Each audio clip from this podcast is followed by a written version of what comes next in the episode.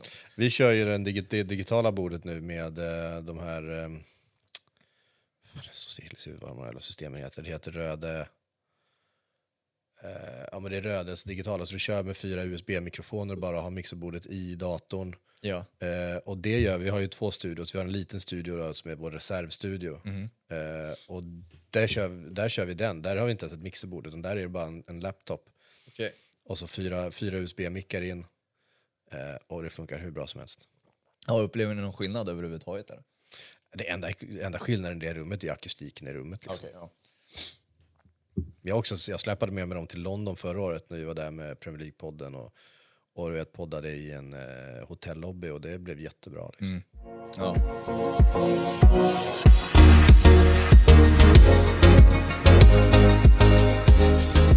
Vi kan, vi kan fortsätta på podcastsnåret liksom, innan vi går in på fotbollen. För att jag har ju verkligen velat fråga dig nu i ungefär ett år om den här bilden. Ja. Ja, Eh, podcastkungen, eller vad ska, podcastskaparen i alla fall. ja, Curry. Adam, Adam Curry. Ja. Du, vet vem det är? Eller? Ja. Och jag, först och främst, det står ju podcast under där på podiet. Alltså man, om det var det han pratade om och gav ut en massa Ja. tips eller vad, vad det nu var för någonting. Man är jätteintresserad av att höra vad du tog med dig.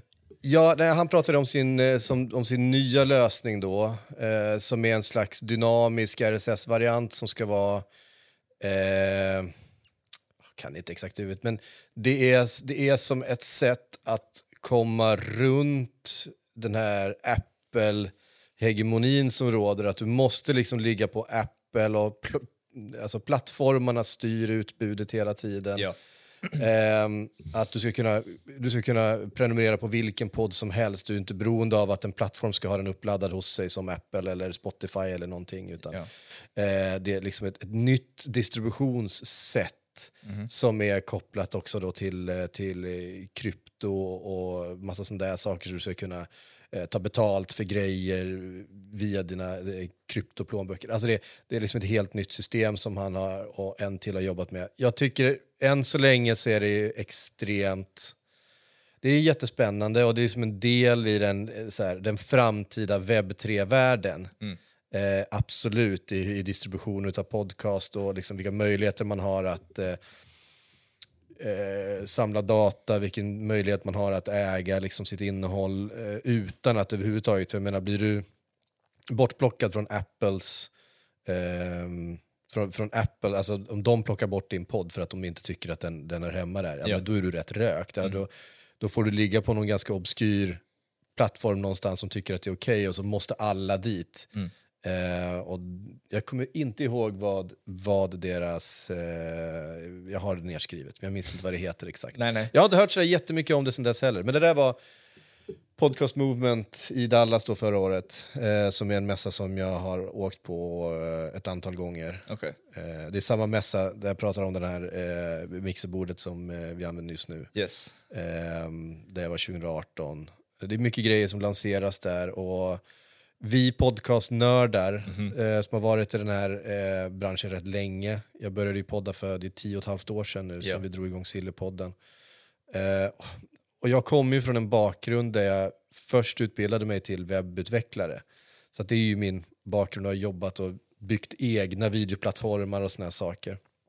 Mitt examensarbete var det här var 2002, så Ja. det, det är länge sedan.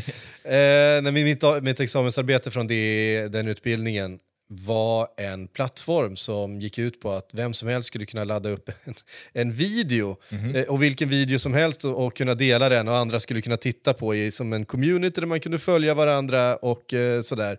Sen dök Youtube upp och visade sig vara en, en, en okej och det, idén då, men det var så här 2002, ett, vi, det var ett examensarbete, så vi hade bara tillgång till eh, skolans servrar, vilket ju var ganska begränsande.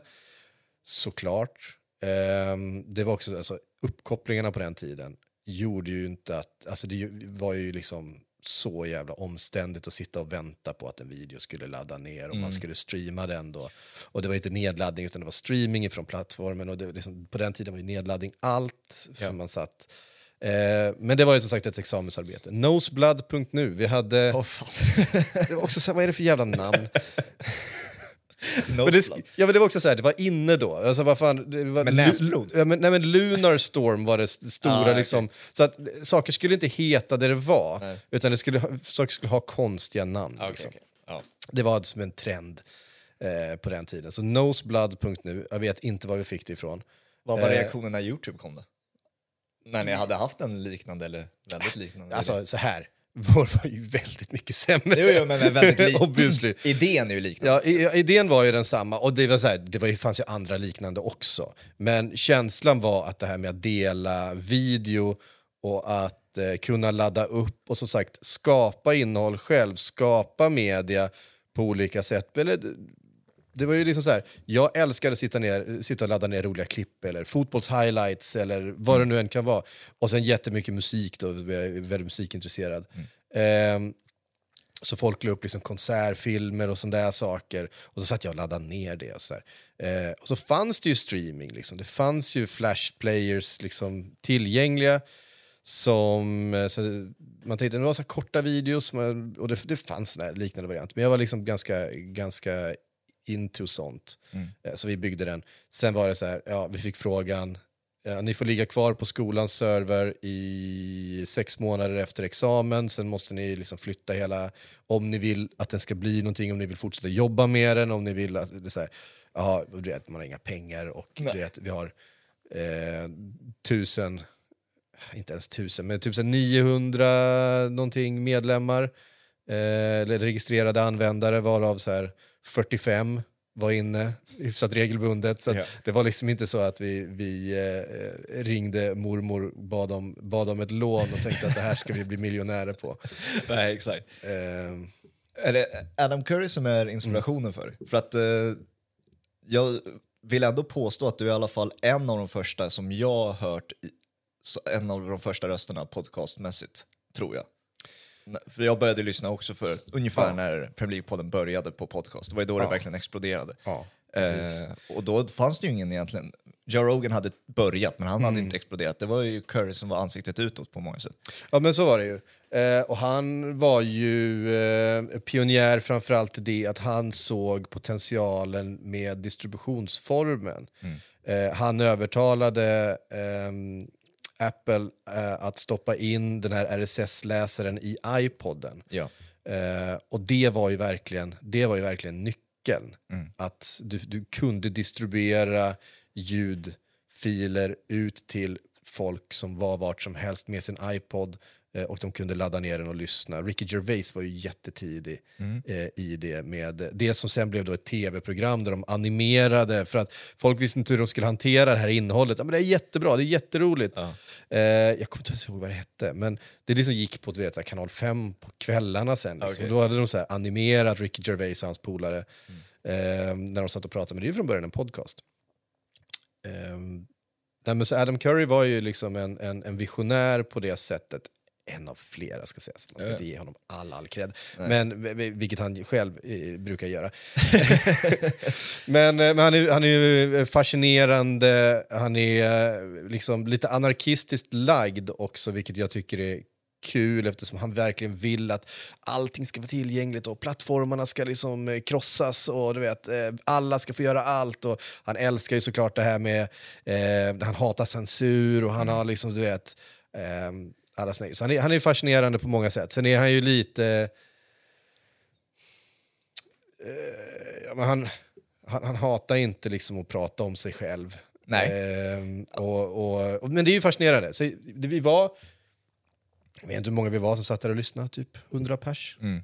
Eh, och så, så här, I salen bredvid då på mässan så var det någon influencer som stod och pratade som började podda för sex månader sedan. Det satt 500 pers liksom och lyssnade. och vi, var, vi som satt där inne, liksom, det, var, det var till och med så, så här, alltså de hade vridit på den här AC'n, det var i Dallas i augusti så det var ju så här 40 grader Han ute. ser varm ut på bilden.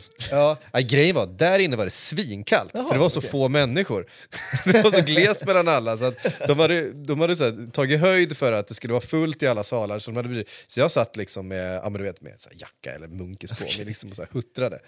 Um, men det var coolt. Och, och, ehm, det är ju så här, det är långa resor och det är borta i Nordamerika, men är man en podcastnörd, har man poddat länge åka på podcast movement och bara vara en del av allting som händer där borta. Det är ju där jag har fått mycket av liksom språket runt, runt mediet där, där de strategierna som vi har använt på Aftonbladet har jag tagit väldigt mycket ifrån de resorna jag har gjort i Nordamerika.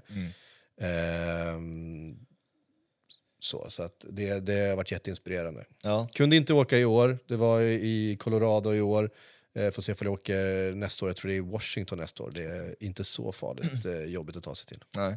Nej men det, alltså, jag, tror, första, jag har hört talas om namnet Curry Mm. liksom, på grund av intresset av podcast, men när han var med på Joe Rogans första gång, jag vet inte om du har sett det, och han berättade Mm. Nej. första gången han mötte Steve Jobs, och han är en otrolig historieberättare och sånt där. Ja men det är han ju. Och grejen är att han var ju en MTV-profil. Ja. Det var ju det som var grejen. Han var ju en kändis. Ja. Han var ju inte en technörd. Han kunde ingenting om, om sånt. Men han var en, en mediakille som hade eh, som var liksom på något sätt i sin egen ideologi liksom ganska eh, ideologiskt driven eh, och idédriven. Ehm, så att han, han, men han såg ju det här framför sig och det, det, blev, ju verkligen, det blev ju verkligen eh, startskottet för hela podcastmediet. Verkligen. Och därav fortsätter vi på fotbollssnacket och fotbollspoddandet där då. Ja. Eh, det som vi är så vana att göra. Deadline Day-sändningen var ungefär en vecka sedan eh, när vi spelade in det här. Yes. Återhämtat dig? Ja, jo men eh, det har jag väl gjort. Ja. Hur var den då? Hur summerar du den här? Hur många gånger har ni gjort den nu? Eller du varit med snarare? Uh, vi, hade, vi gjorde första gången 2011. Okej. Eh, var första deadline day, eh, augusti 2011. Vilket var ett helt annat format. Det var också så här, det här med att sända live i flera timmar på det sättet var ju liksom inte någon som gjorde då. Ehm, men så att det har ju blivit ett 20-tal gånger för mig. Jag har varit lite föräldraledig och lite sådär. Ja. Och sen de första, första åren så satt jag ju främst i kontrollrummet. Då var jag inte jag med eh, i studion speciellt mycket utan då var ju min roll som producent eh, i första hand. Men, eh, ja, men det har blivit många nu. Eh, Ja. Och det är, det är jävligt roligt och det är jävligt uppskattat. Och det, det här att kunna bygga någon slags legacy runt någonting är ju roligt. Liksom. Det, det är kul att bygga någonting som folk kommer tillbaks till. Och, Alltså du vet, det är ju folk som hör av sig till mig och jag, har- jag har vuxit upp med era deadline-sändningar. Alltså, vad fan, det är så konstigt, jag var liksom 30 men det- när, vi, när vi gjorde den första. Alltså när, när ehm, jag, jag utbildade mig till journalist och Sportbladet, eller Aftonbladet, men in, Sportbladet skulle komma och prata om sig, alltså sälja in sig själva och sånt där, liksom, och vad de gör och sånt där. Mer än 50% av frågorna var ju kring deadline day-sändningarna. Liksom. när det var Sportnytt. Jag var ju en av dem såklart. Liksom bara, eh, om vi kommer dit eh, på ett praktik eller någonting, hur involverad får vi vara? Liksom, sådana där grejer. Så det, intresset är enormt för alla som vet liksom, vad, det, vad det handlar om. Liksom. Ja, det är sjukt roligt. Ja. Det hade man ju ingen aning om. Nej. Man, alltså, så här, vi, det vi gjorde, vi såg ju att eh, det, var, det var en stor grej i våra chattar och i bloggen såklart. Och deadline day, det var liksom, och så på Sky Sport. Så jag satt ju, jag satt ju och följde Sky Ja. eh, och hade gjort liksom ett par år eh, innan det här. Och det var ju då Sky också var som störst med sina deadline days. Så de hade reportrar ute på alla och här kommer en bil liksom. Och så är det någon, eh, så, ja, det, kan vara, det kan vara en ny värvning på väg. Ingen visste vad det var. Nej. Sociala medier var inte alls utvecklat på det sättet. Twitter var något helt annat. Liksom. Det fanns inte de här Fabrizio Romano och David Ornstein, eh, journalisterna fanns liksom inte på sociala medier. Så ingen visste riktigt vad som hände. Vilket var jävligt spännande. Eh, plus att det, öppnade upp för en diskussion om, om fotboll som inte riktigt fanns någon annanstans heller. Där det, var, det kretsade väldigt mycket runt kontrakt och, eh, och affärer och, och spelares karriärer. Och det handlade liksom ingenting om vad som hände på planen. Eh, och det kan man ju ha många åsikter runt och, och det är väldigt validt att ha många, eh, då säger man conflicting feelings runt det. Ja. Samtidigt väldigt fascinerande. Eh, för att det har ju liksom så här, från att det har varit en Ja, men en liten grej som hände en gång om året så har ju det, det dominerar ju liksom hela flödet nu.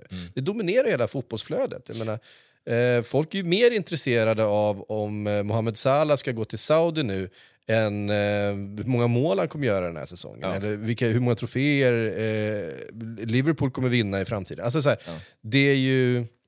Det, är full, och det, det kan jag tycka är, och det, där är ju såklart vi, alltså, i en svensk kontext så är ju vi såklart bidragande till det med, med Sillybloggen, Sillypodden, Deadline Day-sändningar och så vidare.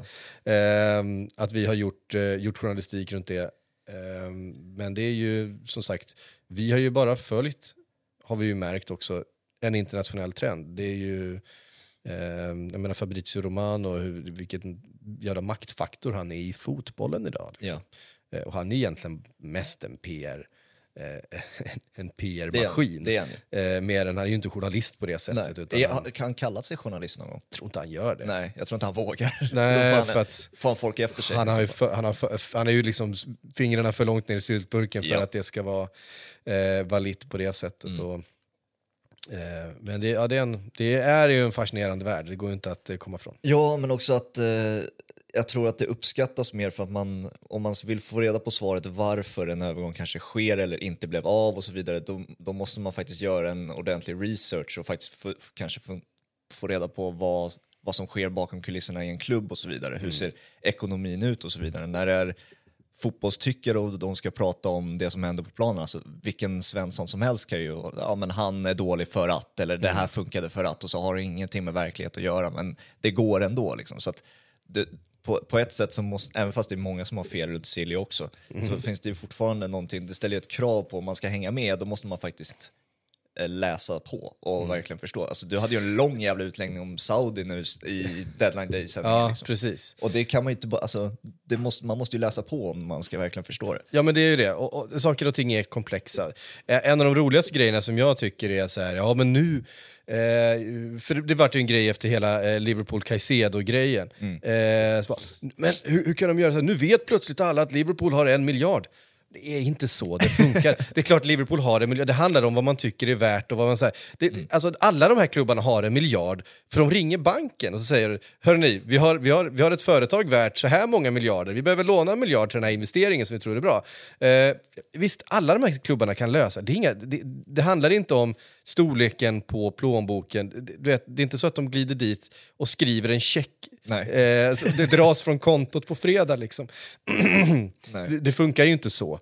Eh, alla de här klubbarna har massa pengar, har tillgång till massa pengar, men inget av det här är, är pengar som lyfts direkt från bankkontot. Det, det, det, om, det är avbetalningar, det handlar om bokföring, eh, man tar lån från banker och man belånar olika saker. Eh, det, är mycket mer komplext eh, än så. Så att den här plus minus exercisen som många ägnar sig åt när det kommer, ja men eh, han, det, det är också det här med övergångssummor. Övergångssummor är ju faktiskt bara en, och ibland eh, bara en del utav det, det totala paketet. Ja. Eh, Jude Bellingham är ett bra exempel. Ja, men han kostade ungefär lika mycket som Declan Rice. Men det var ju också så här, eh, farsan och morsan och katten där hemma skulle ha eh, 100 miljoner var i, i sign-on och han skulle ha sign-on och du vet agentarvoden och det var lön och lön up front och lön efter två år. Alltså, Ja. de här affärerna är så mycket mer än själva övergångssumman. Ehm, och i många fall är det vidareförsäljningsklausuler och det stökar till och man måste kanske köpa ut olika sponsoravtal. För eh, är du spelare för eh, den här klubben kanske du har ett sponsoravtal med eh, den här och den här eh, frisyrgelén liksom. Och, och det, det, ja, men det, det, Ja. finns, det finns så många rörliga delar i de här avtalen. Eh, och det är klart att det, det är lätt att peka på en övergångssumma, det som sker eh, i avtalet mellan två klubbar. För det är ju liksom en, en summa som går att ta på. Men man ska komma ihåg att paketen runt de här övergångarna är mycket större och länge så var ju till exempel Arsène Wenger, han vägrade ju förhålla sig till det här med, med eh, uppblåsta agentarvoden. Han vägrade ju göra sådana affärer för han tyckte att det var så skadligt för fotbollen, vilket det är. Ja. Det definitivt är. Ehm, och agenterna har en alldeles för stor roll i eh, den internationella fotbollen idag. Det, det är ju inget hemligt, det vet ju alla. Sen de avreglerade agentmarknaden så har det ju exploderat. Eh, och um, det har tagit väldigt mycket makt ifrån klubbarna, ifrån förbunden. Eh, så man tänker att spelarna har den makten, men spelarna är, spe- de är fotbollsspelare. Liksom, så att Ja. ma- ma- den makten hamnar i slutändan hos agenterna. Och agenterna, de, de eh, har ju sin egen agenda, de har ju sitt eget race. De, de är ju där för sin egen skull. Eh, och i bästa fall också för spelarens skull, men inte för någon annan. De är inte där för fotbollens skull. Eh, de bryr sig inte om vart den bästa fotbollen kommer spelas, eller liksom, om du förstår. Eh, men ja, det, sånt får man förhålla sig till också. Och där kommer Fabrizio Romano som är, som är i allra högsta grad en del av eh, den världen. Men den där, de där komponenterna som man inte tänker på, alla de här um, olika bonusarna och allt sånt där, det uppmärksammas ju nästan enbart när till exempel Neymar gör sin flytt och man får reda på hur mycket han tjänar av det här och om han gör det här så får han det här och allt det där. Liksom. Ja. Då uppmärksammas det, men annars, om man tillämpar den logiken på alla andra övergångar så sker i Premier League till exempel och bonusar som finns. Det, de finns ju där också, även fast de inte är lika extrema som i Neymars fall. Och det är väl kanske där folk Eh, bara för att säga en helt normal övergång som vi fick se, någon som drog till Nottingham Forest. Det finns ju någonting i de kontrakten också som Ja, är värt att ta upp. Liksom. Eh, ja, men det gör det ju. Och sen så finns det ju då såna här incentives. Du har bonus om du vinner ligan, du har bonus om du vinner Champions League, du har bonus om eh, du gör det här. Och det kan vara från din gamla klubb, det kan påverka övergångssumman, det kan också påverka bo- bonusen du får från din nya klubb eh, och så vidare. Så att, eh, ja, men det, det är jättemånga rörliga delar och det där vi när vi ska berätta om, när vi ska göra någon slags... Så, här, poängen med Sillypodden är inte att den ska vara speciellt djup. Nej. Den ska inte vara så jävla allvarlig. Det, det, vi vill hålla det ganska lättsamt och eh, gärna prata om. Eh, jag tycker att vi har kanske de senaste åren blivit lite för mycket att vi bara pratar om, om övergångar som på något sätt är på väg eller något som är nära. Jag skulle gärna se att vi pratade lite mer bara hypotetiskt om, ja men fan här kom det ett jävla dumt i huvudet rykte. Jag minns när, när Messi skulle, när Irish Times hade på sin hela baksidan på sin papperstidning hade en lång story om att Lionel Messi var på väg till Manchester United. Och ingen annan hade den storyn. det tyckte jag var ett, en as, ett asbra ämne i, i Sillypodden. Ja. men för fan, nu ska vi prata Messi till, till Manchester United. Det här kommer inte hända. Det är liksom så här, det här är jättedumt, men vi kan skratta åt det. Vi kan också tycka att det är kul. Eh, vad har Irish Times för källor? Ehm, vem ska han peta istället? Ska han, eh, ska han, ska han in och eh, spela trianglar med McTominay? Eh, det, blir, det blir så roligt. Det ska vara roligt att lyssna på. Liksom. Men det var ju det du försökte med nu senast med Makoto, när eh, ni snack, eller du bollade upp namn inför, om Salah skulle lämna eller inte. Ja, men precis. Bara, Eh, vi har Rodrigo, vi har Ja, exakt. Saka. Ja, ja, men jag, säger, jag kastar in så här Rodrigo också för att jag vet att, att, att, att det- det gör ont i hjärtat på Makoto när jag Ja. säger så. Ehm, men, eh, ja, men så här, det, det ska ju vara kul att lyssna på. Och då måste man dumma ner de här sakerna. Vi kan inte sitta och, och vara 100% liksom redogöra för alla du vet, klausuler hit och dit. Och, och det, i vissa affärer kan det vara, vara, vara, intressant att lyssna på också och kan vara bra innehåll. Men normalt sett så är ja, men det här är övergångssumman. Ja, de, de förhandlar om det här. Och, eh, och det ena med det andra. Ja, men det är för mycket pengar. Eh, Caicedo till exempel, måste vi komma ihåg att Chelsea då eh, det paketet de har betalat för, för Caicedo är inte i närheten av det paketet som, som Real Madrid har betalat för Bellingham. Även om de på pappret ser lika dyra ut. Ja, ja men vi, vi kan ju ta upp, om vi ändå ska på något sätt summera en, ett fönster som i princip är klart. Vi har Saudi som vi inte riktigt vet när det tar slut då, men Nej, typ när exakt. vi spelar in så har det tagit slut. Men här har vi alla topp-transfers då. Mm. Eh, vad är det som sticker ut för dig? Vad, vad tycker du om fönstret som varit? Ja, men det har ju varit ett, ett, ett, ett helt unikt fönster med tanke på Saudis eh, inverkan. Eh, med de pengarna som då har kommit in i det här blodomloppet som är europeisk toppfotboll. Tack vare Saudi, eller på grund av Saudi, eller hur man nu väljer att se på det. Eh, det har ju också gjort att eh, klubbar som normalt sett, alltså en av de svåraste sakerna för toppklubbarna det är ju faktiskt att sälja spelare. Det är väldigt svårt att sälja en spelare som är 28, 29, 30, 31, som sitter på en hög lön och har två, tre år, år kvar på sitt kontrakt. Det har varit nästan omöjligt eh, tidigare. Och nu ser vi, ja men fan, Fabinho, hej då, Koulibaly, hej då. Alltså det var liksom... Ja, Chelsea var tacksamma i sommar för Saudi. Alltså. Det är Ja, det, men, men ändå inte bara Chelsea. Nej, nej. Ehm, utan eh, många klubbar har ju kunnat utnyttja det här och, och det har gjort plats för eh, för nya spelare i de här klubbarna. Det har gett utrymme i lönebudgeten. Det har gett eh, cash in med tanke på att man har fått övergångssummor för de här också. Och det- har ju då liksom varit en accelerator eh, i, i hela systemet. Och sen i tillägg till det så se, då ser vi också att en snabb, en, en snabb inflation eh, av priser och av spelare vilket gör att eh, många klubbar har frångått sina normala principer. Alltså, det går liksom inte att vara 100% principfast och ha en modell i en värld som förändrar sig så snabbt. Och där en övergång kan ge ringa på vattnet så att vi har en ny, på något sätt, en ny transfervärld på en vecka. Liksom. Då kan du inte sitta med en policy som du skrev för två, tre, fyra, fem år sedan.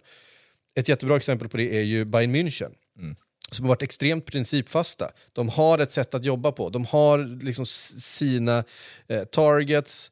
Eh, jag menar, de betalar så här mycket pengar för Harry Kane.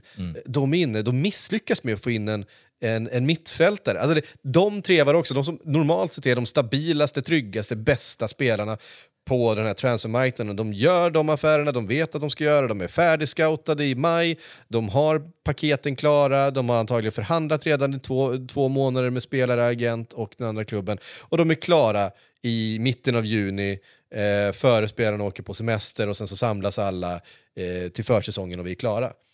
Nu ser vi ett Bayern München som förhandlar med, om Harry Kane, och det är väl lite Tottenhams eh, förtjänst också. Eh, Levi är ju svår att förhandla med, det, det är ju allmänt känt. Eh, det drog ut, men, men de var också där och budade på Declan Rice. Eh, vilket också är liksom... Ja, just det, fan, det var de. De, de, var där, de var där och ville betala en miljard för Declan Rice också. Det tror jag inte hade, hade avstyrt affären på Harry Kane. De var nog beredda att betala för båda. Ehm, så att, en klubb som, som Liverpool, som jag följer väldigt nära, eh, som ju verkligen har principer och, och, och en tydlig modell hur man ska jobba och varit väldigt framgångsrika med det. Att vi, vi sätter värdet, vi hittar spelare med våra metoder som passar oss. Eh, vi tittar inte nödvändigtvis på dem på samma spelare som andra klubbar utan eh, vi värvar hellre mm, eh, Wijnaldum från, eh, från Newcastle eh, och vad ska man säga, Eh, man har ju frångått det lite grann, men så här, Diogo Jota från Wolverhampton var en spelare som alla visste var bra, men det var inte så att alla klubbar i världen så att, eh, eh, drog i honom. Liksom. Man, man har jobbat på ett lite annat sätt. Och där har ju verkligheten kommit ikapp dem lite grann och hamnat i, där de hamnade i en jättetuff situation och de inte lyckades nå de målen som man hade sagt. Jag vet att Jürgen Klopp ville ha en, en mittback in till exempel i sommar. Det lyckades man inte lösa därför att det tog för lång tid och man var tvungen att eh, liksom, gå ifrån sina principer i värvningen, i jakten på en till mittfältare. Eh, till, blev det till slut Gravenberg som jag tror var deras av allt att döma var deras första namn på pappret inför den här säsongen. Det var det första namnet som det pratades om redan i, i april-maj. Ehm, men, och, så, och sen har vi Chelsea som har infört en helt ny transferstrategi kan man säga. Eller en, en ny modell för hur man bygger lag. Ehm, så att eh, nej, men det, det, förändrar sig enormt fort och det är väl det som är storyn med det här fönstret. Att vi, vi gick in i det här sommarfönstret i tron om att så här funkar fotbollsvärlden eh, och vi gick ur den utan att riktigt veta hur fotbollsvärlden funkar längre. Ja, exakt. Ja, det, det är eh, svårsummerad nu. Och hur kommer januari se ut? Hur kommer det fortsätta? Och sen, det, det finns ju, vi kommer in på Saudi lite senare, för vi, vi, vi måste ju ta Salah också. Men jag tänkte vi kunde ta Harry Kane också. Bara du som Ja. följer Premier League mest och sånt där, tycker du att det är rätt? Alltså för att jag har svårt att förstå, eller många hade svårt att förstå att det inte blev i alla fall i England han stannade. Om det hade varit United eller vi- vilken nu klubb det är. tror inte han ville till någon annan klubb i England. Eh, och sen tror jag inte att eh, Tottenham var, ville sälja honom till någon annan klubb i England. Nej, det är, en, det är såklart en stor del i det. Den är Levy igen, men Eh, för, att, för att jag tror han, han är väldigt mån om relationen till eh, supportrarna i Tottenham. Han är väldigt mån om relationen till Tottenham. Alltså han vill inte bråka sig bort. Vi vet ju att det var nära att han lämnade för Manchester City och att han var redo att göra det. Men han var inte beredd att bränna alla broar med Tottenham för att göra det. Nej. Utan han kom tillbaka, det blev inte av, vi kom inte överens. Klubben vill inte sälja. Nej, all right, då kör vi igen. Mm. Inget gnäll, eh, in och göra mitt bästa. Han älskar den där klubben. Så att eh, Bayern München tror jag var en bra kompromiss för alla inblandade. Ett år kvar på kontraktet. De fick in de här pengarna i ett stort behov av att bygga, bygga den här truppen igen nu då, eh, efter en del eh, mindre lyckade somrar här de senaste åren. Vilket kanske inte var så misslyckade ändå. Det finns ju en del spelare som vi har räknat ut lite grann, typ Bissoma som vi mm. tyckte var en floppvärvning. Eh, under sin första säsong har börjat jättefint den här under eh, Postekoglu.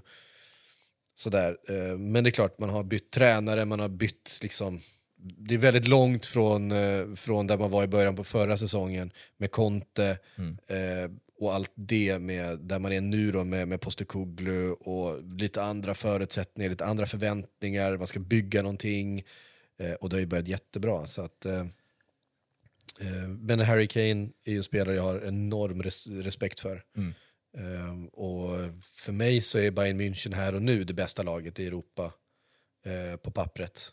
Om, pappret, riktigt, om, jag, om man ska vara riktigt ärlig. Alltså, eh, kanske inte bästa truppen, de, de, är lite tunna på en del positioner, men, men om jag skulle ställa upp en startelva, den bästa startelvan med de tio bästa lagen i Europa, så skulle jag nog peka på Bayern München ändå. Jag tycker att de har... Före City? Ja, det, det är ju som det är med City, men Eh, med tanke på, eh, alltså om man räknar in då De Bruynes skada, mm. eh, att man har sålt Gündogan, man har sålt Mares, det finns frågetecken runt, eh, jag menar sån som eh, Doku till exempel, det är klart han är jättespännande och han kommer säkert komma in och vara brutalt bra. Ehm, och sådär, det är klart att City är också där uppe och har ett helt, en helt fantastisk startelva. Mm. Eh, men eh, jag gillar verkligen det här Bayern München, jag tycker de ser så välbalanserade ut, även om Tuchel inte tycker det. Nej. Han vill ha in en, en sexa, men jag tycker det finns, det finns så mycket bra tvåvägsmittfältare i det där laget mm. att jag, jag, förstår inte riktigt hans eh, eh, hans hets runt den där sexan. Men när de väl i januari, när de väl kommer då eh, få in eh, en sexa, om det nu blir Eh, fan tappade jag namnet från Palinja. Eh, nej, från, från Fulham, ja, Palinja. Eh, som ju är en jätte, jätteduktig sexa. Verkligen. Eh, och Tuchel då får spela den fotbollen han, han vill spela. Offensivt ser det så otroligt, alltså jag är så förtjust i Musiala. Eh, då, ja, men de har så mycket bra spelare och, och backlinjen ser fantastisk ut. Eh, sen är det också så här, det, är också intressant vart vi spelmässigt är på väg.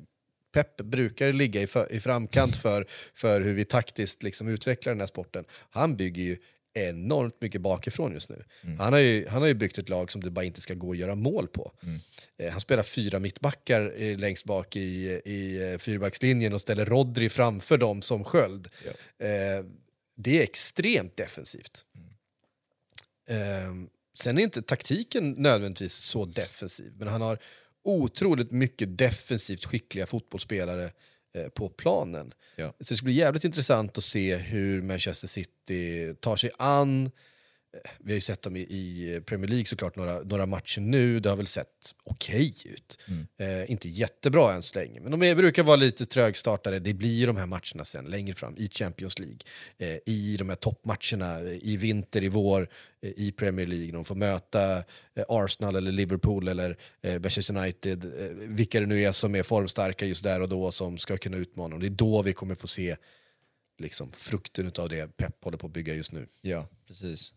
Sista om Kane också, tror du det finns en plan där att eh, de sista åren i karriären är tillbaka i England så han kan komma nära det där eller till och med slå målrekordet? Det gör det säkert. Alltså, han har nog inte, inte stängt den dörren alls. Och en återkomst till Tottenham efter tre år i, tre år i Bayern München, vinna en Champions League, vinna på Bundesliga-titlar, eh, få vara kanske i diskussionen om Ballon d'Or. Eh, det kommer ett fotbolls-EM eh, nästa år där han eh, där England har en riktigt bra chans att, uh, att ta ett guld, tycker jag. Mm. Tycker de har ett fantastiskt jävla lag. Det är bara förbundskaptenen som är... Det är för, förbundskaptenen som är, som är den stora frågan där. uh, och det kan man väl egentligen säga om Frankrike också, om jag ska vara riktigt ärlig, som ju har det absolut bästa laget, om man ska vara riktigt ja. ärlig. Uh, men det är ju de två, tycker jag, som, det, som har de mest spännande landslagen. Och, men, ja, Harry Kane, framgångar med Bayern München, vinna Champions League, kanske vinna ett EM-guld i sommar. Då ska han ju vara där, vinna sin Ballon d'Or. Eh, det, är väl, det är väl det här han ligger och drömmer om på nätterna. Ja. Liksom. Eh, göra den här resan med Bayern München. Det blir det inte nästa år, ja, men kanske ett VM om, eh, eh, om några år till. Då. Han har gjort de här säsongerna i Bayern München. Och sen då tillbaks kanske som 35-åring, 34-åring till Tottenham, göra de här avslutande åren, ta målrekordet eh, allt det där. Ja, det är väl kanske så hans drömscenario Ja, men det- så det hans måste- det tänk i måste- sommar såg Det, ut. det är så jag tänker också, att en, en Tottenham-supporters drömscenario ska vara att vår kille åker ut i världen och visar alla att han fan i mig är bäst i världen. Det som vi har sagt hela tiden. Sen kommer han tillbaka som världsstjärnan. När vi har byggt det här laget så blir han grädden på moset och så vinner vi Premier League. är det sådär man funkar som supporter, eller hur? Ja, exakt. Nej, men, eh, en annan engelsman då, som jag vet att du har, eh, ja, det har bubblats lite åsikter om det på Twitter och sånt där. Jag vill ha lite, höra lite vad du har att säga om den här mannen, Jordan Henderson. Ja, eh, Eh, det blir väl lite ansiktet utåt för Liverpools fönster, alltså sett till vad som gick ut i alla fall och, och se om, Självklart. Får se nu också vad, Salah, vad som händer med Salah, men han blir ju då liksom den första vågen av det för, för, för Liverpools del i alla fall. Ja, och för Jordan Henderson, alltså Jordan Henderson, fotbollsspelaren, lämnar Liverpool, gör viss eh, skillnad med tanke på att han var lagkapten och han var en stark röst i omklädningsrummet. Och det är ett väldigt ungt lag nu, de har kanske behövt den där rösten. Liksom. Eh, Jordan Henderson, människan som har profilerat sig på ett visst sätt att göra den här flytten. eh, ger en ju lite sådär dålig smak i munnen, eller ganska mycket till och med. Han eh, gjorde den här intervjun nu med The Athletic och hävdar att ah, men är det, det, det, var, så många, så många dumma svar Ja. i den här intervjun. Ja, han började prata om gästarbetarna, vi kommer ihåg det runt Qatar. Exakt samma situation finns ju såklart i Saudiarabien. Eh, de har samma system. Eh, och han sa, nej men på landslagssamlingen, eh, Human Rights Watch visar oss bilder på hur de har det. Men sen när vi kom dit och fick träffa arbetarna så, så visade det sig att ja, men de verkar ju må jättebra, så det förändrade min eh, bild över det här. Så att, Okej, så du, du väljer den här polerade, uppstolpade eh, bilden som Qatar har pres- presenterat för dig, före det som Human Rights Watch med med risk för sin egen hälsa har lyckats du vet, eh, ta fram och visar för dig. Eh, det är ju bara dumt. Ja. Och det är ju så här, det är ett självbedrägeri eh, som han ägnar sig åt. Om han ens tror på det själv. Sen runt det här, ja, men det handlar inte om pengarna. Det är ju det är klart skitsnack. Om det, inte, om det inte hade handlat om pengarna, nej, och du känner att nej, min roll i Liverpool är inte tillräckligt stor, jag vill göra något mer. Ja, men stick hem till Sunderland och ta hand om det här laget som Ja. behöver dig, som har ett jätteungt, faktiskt spännande lag. Ehm, gör skillnad. Se vad Santi Cazorla gör i Spanien nu. Ja. Eh, där han har dragit hem till Oviedo, där han kom ifrån, där han alltid liksom, som har varit en sorg i hans liv att han inte fick liksom, spela i A-laget. Han har gått dit, han, han har begärt att inte få någon, få någon lön. Eh, men nu finns det regler i Spanien som, som säger att, de du måste, måste- ge, du måste ge honom en lön. För att det är så mycket fusk annars. Folk som inte säger att de får någon lön, så får de en massa andra ersättningar istället. eh, så att, ehm, Sergio Ramos är ju populär av den samma anledning just nu också. Ja, Eh, men precis. Ehm, så att det här där han säger att "Ja, det fanns inga andra alternativ för mig. Det är rent skitsnack. Ja. Ehm, han, han säger, det är också den här eh, ursäkten som inte är en ursäkt till hbtq-rörelsen som han har varit en väldigt uttalad liksom ally med då, som man säger. Eh, där han säger, jag är ledsen om ni blev besvikna. ja, det är ingen ursäkt. det är heller ingen ursäkt. Det är, så här, ah, men det, var så, det är så mycket dumt. Jag vet inte, jag har tappat mycket respekt för Jordan Henderson under den här... eh, Jag hade väldigt mycket respekt för, för Jordan Henderson in, in, inför den här sommaren. Och jag har haft under hans karriär, tycker han har varit... Han, var, han har varit den bästa kaptenen som Liverpool har haft sen eh, Kenny Dalglish och det var ju före jag eh, följde klubben. Då var, ju, då var jag ju liksom jätteliten. Eh, Går han före Gerard menar du? inte som spelare, men som kapten. Okej. Ja. Absolut. Eh, han, har varit en, han har varit en viktigare röst i omklädningsrummet än vad, vad Steven Gerrard var. Steven Gerrard är ju lite introvert, han är ju lite. Jo, speciell. ja. Han, han är ju lite, eh, inte alltid kanske den, eh, den bästa motiveraren eller den bästa Eh, så där, även om han var en, en, en jättebra kapten, han är captain fantastic och allt det där, men där var ju framförallt att leda med exempel, att alltid vara den bästa spelaren på plan. Referenspunkter på plan. Jordan Henderson har ju varit en annan typ av kapten och, och på det sättet en bättre kapten, eh, skulle jag vilja hävda. Men eh, hans, hans legacy med Liverpool har ju nu liksom för alltid befläckats på en nivå som gör att det kommer inte vara några stående ovationer för honom när han kommer tillbaka och spelar en All-star-match eller om han nu skulle komma med ett i fack och spela Är du, säker, Anfield. är du säker på det? För att Ja. jag, jag har ändå liksom en Jag är- känsla av att är det, bara för att det är Jordan Henderson så kommer han få den applåden. Nej, Liksom. det kommer han inte. Nej, okej. Ja, det är, om Salah gör samma Det finns, en, flytt... det finns en väldigt mycket en självbild i Liverpool att vi, alltså som, som klubb och som supportrar, att vi är moraliskt påslagna. Eh, det är en läktare. I England pratar man inte så mycket om politiska kurvor och såna här saker, men The Cop är väldigt politisk. The Cop är väldigt eh, moraliskt eh, engagerad, väldigt socialt liksom engagerad på, på väldigt många sätt. Och det kan man ju tycka vad man vill om, eh, om den självbilden, men den finns. Eh, det, är en, det är en väldigt vänster, eh, politiskt eh, orienterad supporterskara. Eh, vi har de här väldigt starka eh, supporterunionen, eh, Spirit of Shankly, det finns andra organisationer inom supporterklubben också som är, som är väldigt politiska, eh, tar väldigt starka sociala ställningstaganden. Och de här är jättestarka inom eh, Liverpool supporterklubb i Liverpool, alltså på Anfield. Online ser det ju, då, då är det Hakon Bacon. Liksom. eh, Men om man åker till Liverpool och om man, om man tittar på, på The Cop och tittar på supporterklubben och supportrarna där, de, de, eh, de håller inte Jordan Henderson som en, som en legendar på det sättet efter eh, den här flytten. Är det samma sak för om Mo- Mo Salah flyttar, men samma sak också för Steven Gerrard? Steven Gerrard lite grann. Eh, absolut. Kanske inte på samma sätt som, som Jordan Henderson här och nu. Han var, ändå, han var efter karriären, det här är ett jobb. Man ska komma ihåg att Jordan Henderson var lagkapten för Liverpool. I Liverpool-supportrars ögon det finaste man kan vara. Med flera år kvar på kontraktet. Han hade fortsatt vara Liverpools eh, eh, lagkapten. Ja. Eh, även om han inte hade startat speciellt mycket matcher. Han hade varit där som en eh, jätteikon. Han hade ett kontrakt som gav honom 100 miljoner om året. Eh, och han hade den här statusen i klubben. Och det är det han, det är det han väljer bort Ja. för att spela. Steven Gerrard har inte valt bort, han har, inget, han har inte haft något kontrakt. Även om man kan, man kan ha väldigt starka åsikter om eh, att han överhuvudtaget väljer att flytta till Saudi. Men å andra sidan, om man ska vara riktigt ärlig, rent sportsligt så kanske det är hans nivå som tränare. Ja, så Och- kan man säga. Eh, sådär, ja. Det finns, det finns många knäppa länder där ute eh, och det, man kan definitivt ha, ha eh, mycket åsikter om att överhuvudtaget åka dit och jobba, oavsett vilken bransch det är. Eh, för Steven Gerrard så var det nog, men du vet, så här, det, var, det var hans nivå på fotboll eventuellt. Eh, han hade inget annat erbjudande, möjligen.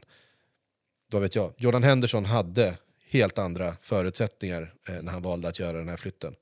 Och han gjorde det för att eh, det är en jätterik, det är en jätterik fotbollsspelare som gjorde det för att bli ännu mer lite jätterik. Ja, man saknar ju ärligheten bara att säga att jag gjorde det för pengar. Eh, Ja, och ehm, jag, alltså, hela den här intervjun är ju... Det, det finns så många... ja, han, var, han gick, kom ju in på Salah också i samma intervju. Ja. Och han är såklart före och vill ju se det hända. Eh, och vi har ju sagt det nu, vi vet ju inte riktigt om det blir av när vi har publicerat det här avsnittet, om han är där eller inte i Saudi sen Salah. Men Nej. Jag tror inte det. pengarna ska väl alltså, plockas, det, alltså, med den summan, då, det är väl bara att sälja. Alltså, Salah är bra, men han är inte så livsviktig och bra längre. Det hade varit annat om det var typ 2019 när han var on top of the world. Liksom. Det är inte så längre. Han är, fortfar- han är fortfarande Liverpools bästa spelare. Eh, det, Ja, det är han väl. Ja. ehm, och han, han, han är fortfarande fruktansvärt bra.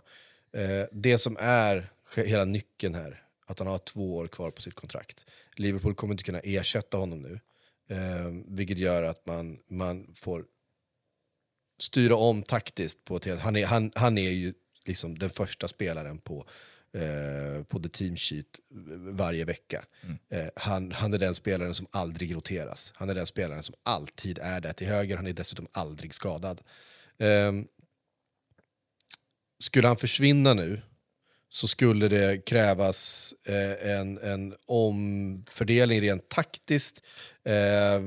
Det finns ju material för det. Det finns Darwin Nunez och Diogo Jota och Luis Diaz och, eh, och Cody Gakpo som alla är kapabla till att spela på den där högerkanten och är duktiga offensiva spelare, alltså riktigt duktiga offensiva alltså, Och sen finns det den här jättespännande eh, 17-åringen Ben Doak som eh, alla vi som har sett Ben Doak under försäsong och även under eh, förra säsongen Um, och även om man tittar liksom lite u och sådär, man säger att det här är en, liksom en, en väldigt speciell talang. Mm. Som, um, det, har redan jämförts med liksom Michael Owen uh, när han slog igenom. Och vi som var med då, du minns att Michael Owen när han slog igenom var någonting helt och hållet utöver det vanliga. Ja. Eh, han var 18 år och bara gick in och bara röjde oavsett. Alltså det var Premier League, han sprang ifrån alla. In i EM 90, eh, VM 98 och bara gjorde liksom, eh, drömmål. Eh, och bara var bäst på plan. Och vann Ballon d'Or, det har folk inte heller alla koll på. Han vann Ballon d'Or Ja. som 22-åring, eh, spelandes för Liverpool. Han var helt... Och det är de här termerna man pratar om Ben Doak nu. Ja, det är sjukt. Men såklart, det är, det är mycket press att sätta på en Ja. 17-årings axlar som egentligen inte har, har gjort någonting än. Men, men ehm, det är också så här, för att supportra det som de är. Men jag vet att, alltså, man hörde det ju på läktaren när, när Ben Doak, när Salah byttes ut och, Ja. blev, och blev sur. Hade den reaktionen ja. Ja, eh, för han blir alltid sur när han byts, han hatar ju att bli ut, han ska, han ska spela varenda minut. Ja. Eh, men grejen var att läktaren tittade ju inte ens på Salah. För de bara, nu kommer Ben Doak. det är, det, det, alltså, vi, man, är ju, ro- man är ju konstig som supporter, det är ju bara Ja. så. Man, man, man har, man har eh, hopp och drömmar om, eh, om spelare och det finns inget bättre. Nej. Det finns inget bättre än när en tonåring som, eh, visst nu har ju han liksom värvat, det är inte så att han har vuxit upp i klubben på något sätt, han är ju skotte. Ehm, men när en, en spelare så ung kommer liksom från ingenstans då och, och slår igenom, det är det bästa som finns. Eh, så det hoppas man ju på. Men, men Salah, han har två år kvar på kontraktet. Eh, Det finns, ingen, det finns ingenting som säger att de inte kommer få exakt de här pengarna efter den här säsongen också. Jag tror alla har förlikat sig med att det här Kommer ske. om, om, det här, om han blir kvar den här säsongen så är det hans sista säs- säsong. Ja, exakt. Det har, det har alla, tror jag, eh, förlikat sig med. Eh, även han själv. Sen verkar han själv inte vara sådär, det är inte så att han, att han här och nu vill iväg. Han är ju en otrolig vinnarskalle. Och han, han drivs så hårt av de här rekorden, eh, utav att vinna saker, att vinna skytteligan. Och han är otroligt driven utav det. Eh, och att jag tror att han själv eh, också känner att de här pengarna finns där nästa sommar. Jag ger det här en chans till. Nu ska vi liksom, eh, nu ska jag vinna den här skytteligan en gång till. Vi ska vinna någonting med Liverpool. Vi ska fan göra det här och jag ska liksom, eh, jag ska ge det här en chans till. Förra säsongen blev inte bra, nu ska jag ta revansch. Eh, så det tror jag driver honom ganska mycket och gör att han inte kommer att ha några problem med att eh, bli kvar. Sen får vi ju se, jag menar det, det är klart att säger de så här, ja, ni får tre miljarder. Eh, vilket de kan, det, det finns inga begränsningar där. Eh, som sagt, det är ju det är som sagt, det är inte bara det är inte klubben man förhandlar med, det är världens största investeringsfond man förhandlar med. Där 3 miljarder är liksom ingenting.